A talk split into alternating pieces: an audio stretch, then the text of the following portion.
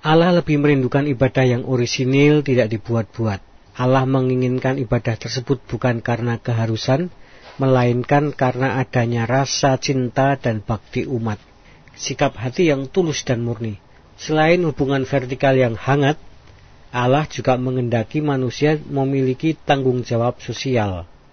Selain menyembah Tuhan, manusia juga menegakkan keadilan dan melakukan perbuatan baik dengan sungguh-sungguh tak henti. Di dalam Amos 5 ayat 24 Allah berkata, Aku ingin melihat keadilan yang membanjir dan perbuatan baik yang mengalir dengan deras. Sementara itu, Rasul Yakobus mencontohkan bahwa aktivitas ibadah yang murni itu adalah ibadah yang disertai dengan mempedulikan yatim piatu dan para janda.